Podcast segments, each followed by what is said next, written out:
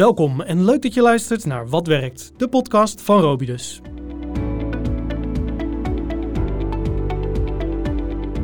Vandaag spreek ik met Rogier van Hamburg. Hij is directeur digitaliseren en innovatie bij Olympia. Deze uitzendorganisatie toont zich tijdens deze uitdagende tijd van haar meest wendbare kant door ruim duizend werkzoekenden in zeer korte tijd om te scholen, in plaats van bij de pakken neer te zitten. Welkom Rogier, leuk om met je te praten. Jij bent directeur digitaliseren en innovatie bij Olympia. En wat, wat houdt dat eigenlijk in op het moment dat er geen uh, coronacrisis is? Goedemiddag uh, Israël. Allereerst bedankt dat uh, ik hier aan het woord mag komen voor deze actie. Um, ja, dat houdt in dat ik me bezighoud met um, eigenlijk alle aspecten van het digitaliseren en het innoveren van het bedrijf.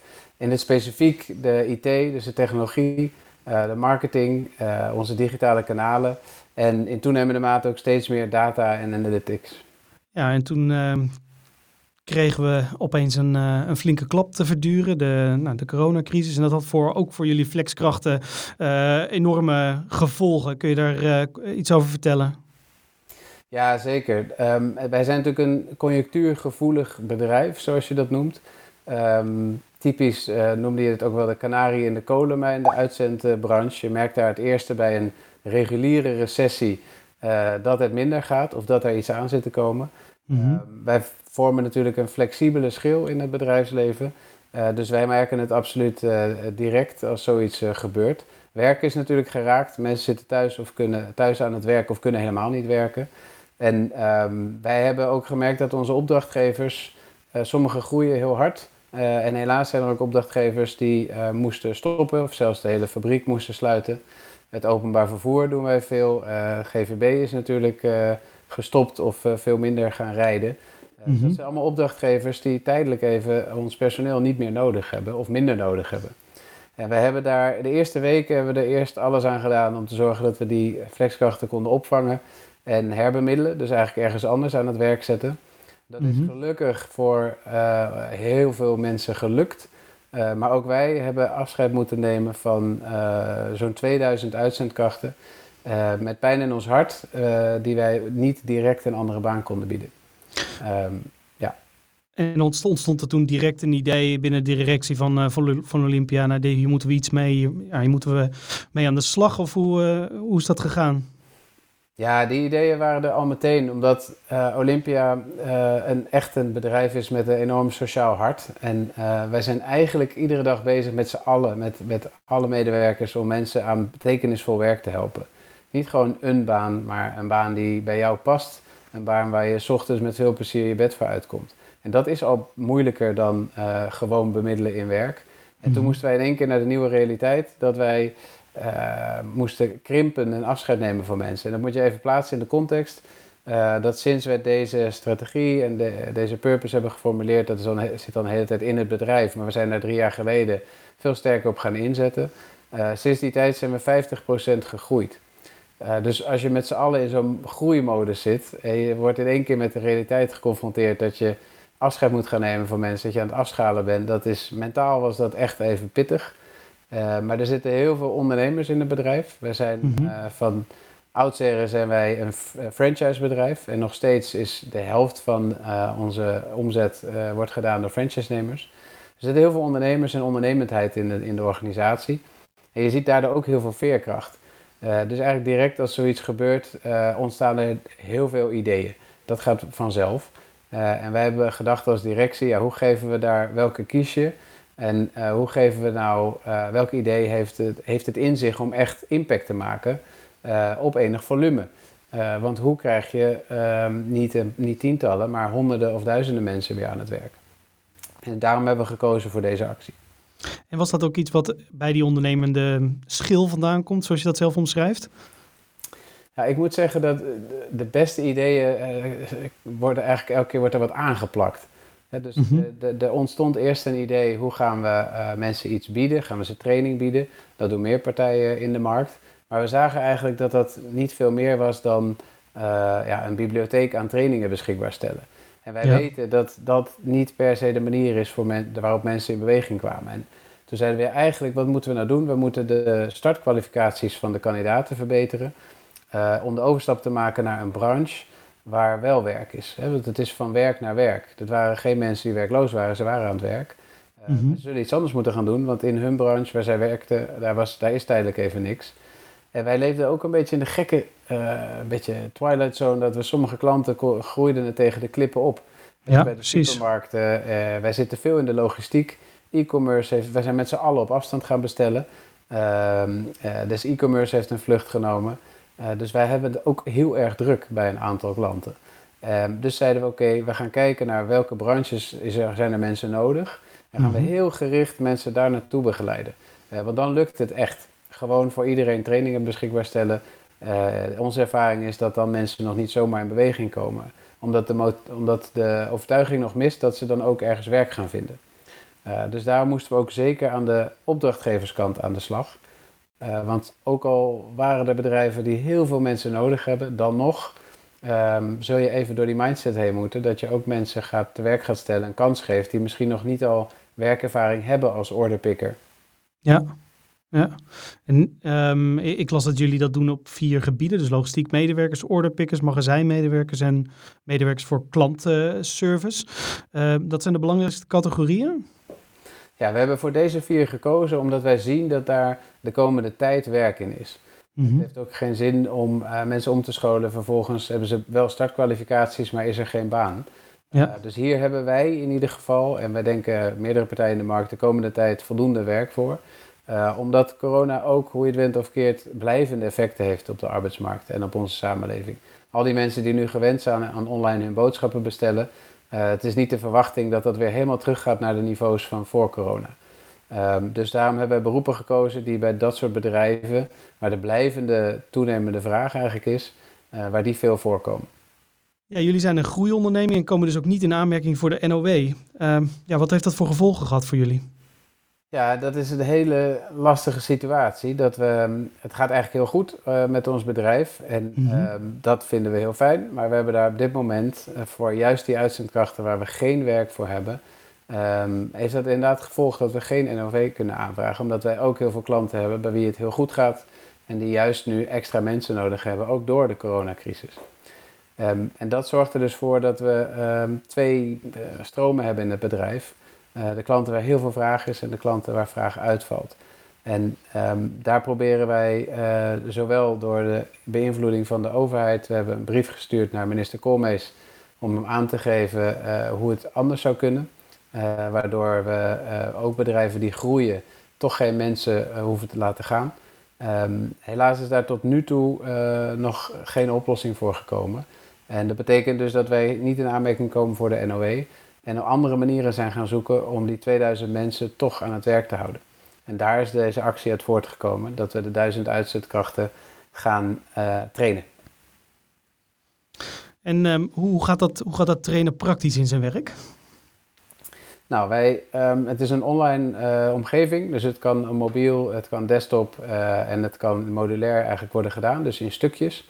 Dat is heel belangrijk voor de flexkrachten ook, dat je niet dat in één keer allemaal hoeft te doen. Je kan het in je eigen tijd doen wanneer het uitkomt en af en toe een stukje. Uh, dus dat is allemaal op afstand beschikbaar. Uh, ook belangrijk natuurlijk in deze uh, coronatijd. wij benaderen de flexkrachten die zijn uitgestroomd bij Olympia als eerste. Mm -hmm. Daar is het idee ontstaan. We willen hun verder helpen, we willen hun weer aan het werk helpen, maar aan ander werk. die zijn we aan het benaderen op dit moment. Die hebben of een e-mail gekregen of die zijn gebeld door een incident van Olympia. Mm -hmm. en die zijn nu daarover aan het nadenken. We zien nu de eerste aanmeldingen binnenkomen voor de trainingen. En de eerste trainingen zijn afgerond. Uh, maar je kan je voorstellen dat uh, van de 2000 die um, wij helaas afscheid van hebben moeten nemen, die hebben een diversiteit aan beroepen gedaan. Uh, dus deze vier functies waar we nu voor gaan, is niet voor iedereen een functie waar die voor wil gaan. Dus we willen even de tijd nemen dat iedereen daarover na kan denken, kan beslissen van die 2000 gaan we ervoor. En daarna gaan we dit eigenlijk opschalen en openstellen zodat iedereen, uh, ook als je niet geleerd bent aan Olympia, uh, zich aan kan melden en hiervoor in aanmerking kan komen. Uh, we hebben dat nog niet heel actief gedaan, maar we merken nu al dat in de eerste dagen nadat we hier aandacht voor hebben gegeven, dat er al honderden aanmeldingen via de website binnenkwamen. Mm -hmm. Dus dat is stap 2, om die mensen allemaal te gaan benaderen en aan te gaan geven, nou, waar heb je interesse in, welk werk wil je gaan doen, heb je al wat startkwalificaties, want vooral als je al wat startkwalificaties hebt, dan helpt het enorm om die extra training te doen. En kunnen we je gaan voorstellen bij een opdrachtgever. en hoe, hoe zijn die reacties op die, op die trainingen? Vinden kandidaten of oud-kandidaten dat leuk? hoe, hoe wordt het ervaren? Ja, dat is, dat is een belangrijk punt, is wel dat je dat vraagt. Want dat is, dat is misschien de psychologische kant van deze actie, is eh, dat het perspectief biedt. Mhm. Eh, als jij thuis zit, als je zo slecht nieuws hebt gekregen, als je overal in de krant leest dat het uh, kommer en kwel is en dat je nergens meer werk kan vinden ehm, en dat je een hele kwetsbare doelgroep bent als uitzendkracht, dat raakt, vind ik altijd heel vervelend als er zo wordt geschreven over een groep die er soms regelmatig voor kiest om op een flexibele manier te werken en daar ook de voordelen van heeft. Ehm, dan, ja, dan is het lastig om daar weer zelf, jezelf eigenlijk bovenop te krijgen. Mhm. Eh, dus juist het perspectief van weer een training kunnen doen, uh, weer een kans hebben, voorgesteld worden bij werk, dat is ongelooflijk belangrijk in deze tijd. Het is echt een maatschappelijk issue als we mensen te lang thuis laten zitten uh, die op zo'n vervelende manier hun baan zijn verloren. dat doet iets met je, dat doet iets met je geluk natuurlijk. Mhm. Maar het, doet het mist ook de structuur in je leven. En daarom is het zo belangrijk dat we investeren in de groep mensen die nu langs de kant staat. Uh, en dat niet als een soort gegeven accepteren. Ja, ik denk dat het een heel mooi initiatief is. Wat vinden, wat vinden opdrachtgevers en klanten van jullie daarvan? Uh, dat, vonden wij, dat vonden wij dan weer hartverwarmend. we weten dat onze klanten het allerbeste voor hebben met de mensen die voor hen werken. En dat merk je mhm. nu in deze tijd zeker. Dat toen wij de eerste belletjes gingen doen van nou, wij denken na over deze actie. We hebben dat natuurlijk getoetst. Um, en direct kwamen eigenlijk de reacties van, van grote klanten, kleine klanten. Nee, ja, dit ondersteunen we. Uh, als het kan, gaan we plekken vrijmaken om uh, te zorgen dat er mensen geplaatst kunnen worden die nog geen relevante werkervaring hebben in het beroep. Ja. En ja. dat, is dat, dat is echt wat wij opdrachtgevers vragen. Um, omdat ja, in andere arbeidsmarkten, in een gewone situatie, zoek je vooral uh, iemand die dat werk al heeft gedaan. Want dat is de grootste voorspeller of die het ook goed gaat doen. Ehm, tenminste, zo denkt iedereen al jarenlang. Uh, wij, zijn meer, wij willen meer kijken naar wat iemands potentie is en of het past op je purpose, dus waar je zelf voor staat en waar het bedrijf voor staat. Uh, er komt steeds meer bewijs dat dat eigenlijk een grotere voorspeller is van werkgeluk, van productiviteit um, en, en van werk eigenlijk vinden dat ertoe doet. Um, maar tot nog toe wordt er toch veel gevraagd naar 1, 2, 3 jaar werkervaring. Ja. Wat we heel expliciet vragen nu is, laat dat los voor bepaalde plekken. Accepteer iemand die nu vanuit misschien de horeca komt, waar uh, er geen werk is. Mm -hmm. uh, iemand die gemotiveerd is. Wij geven hem de training. Jullie creëren de plek en geven iemand een kans om zich te bewijzen. Hey, als wij over uh, een maand, twee maanden weer praten, wat, wat hoop je dan? Ja, dan hoop ik dat we die duizend zijn vergeten. ja. omdat er veel meer partijen zich hebben aangesloten. Uh, want het is eigenlijk een mindset die we vragen. Natuurlijk, wij stellen wat geld beschikbaar, we stellen het in de vorm van trainingen.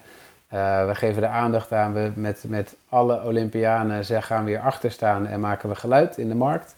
Um, onder andere daarom uh, ben ik hier, dat is fantastisch. Nogmaals dank voor deze kans ook om dit zo te verwoorden. Um, maar het belangrijkste is dat het een beweging wordt en dat andere intermediairs, uitzendbureaus, maar ook andere opdrachtgevers uh, dat die ook zo gaan kijken. Uh, want we kunnen ongelooflijk veel mensen van A naar B helpen die dat niet zomaar zelfstandig kunnen.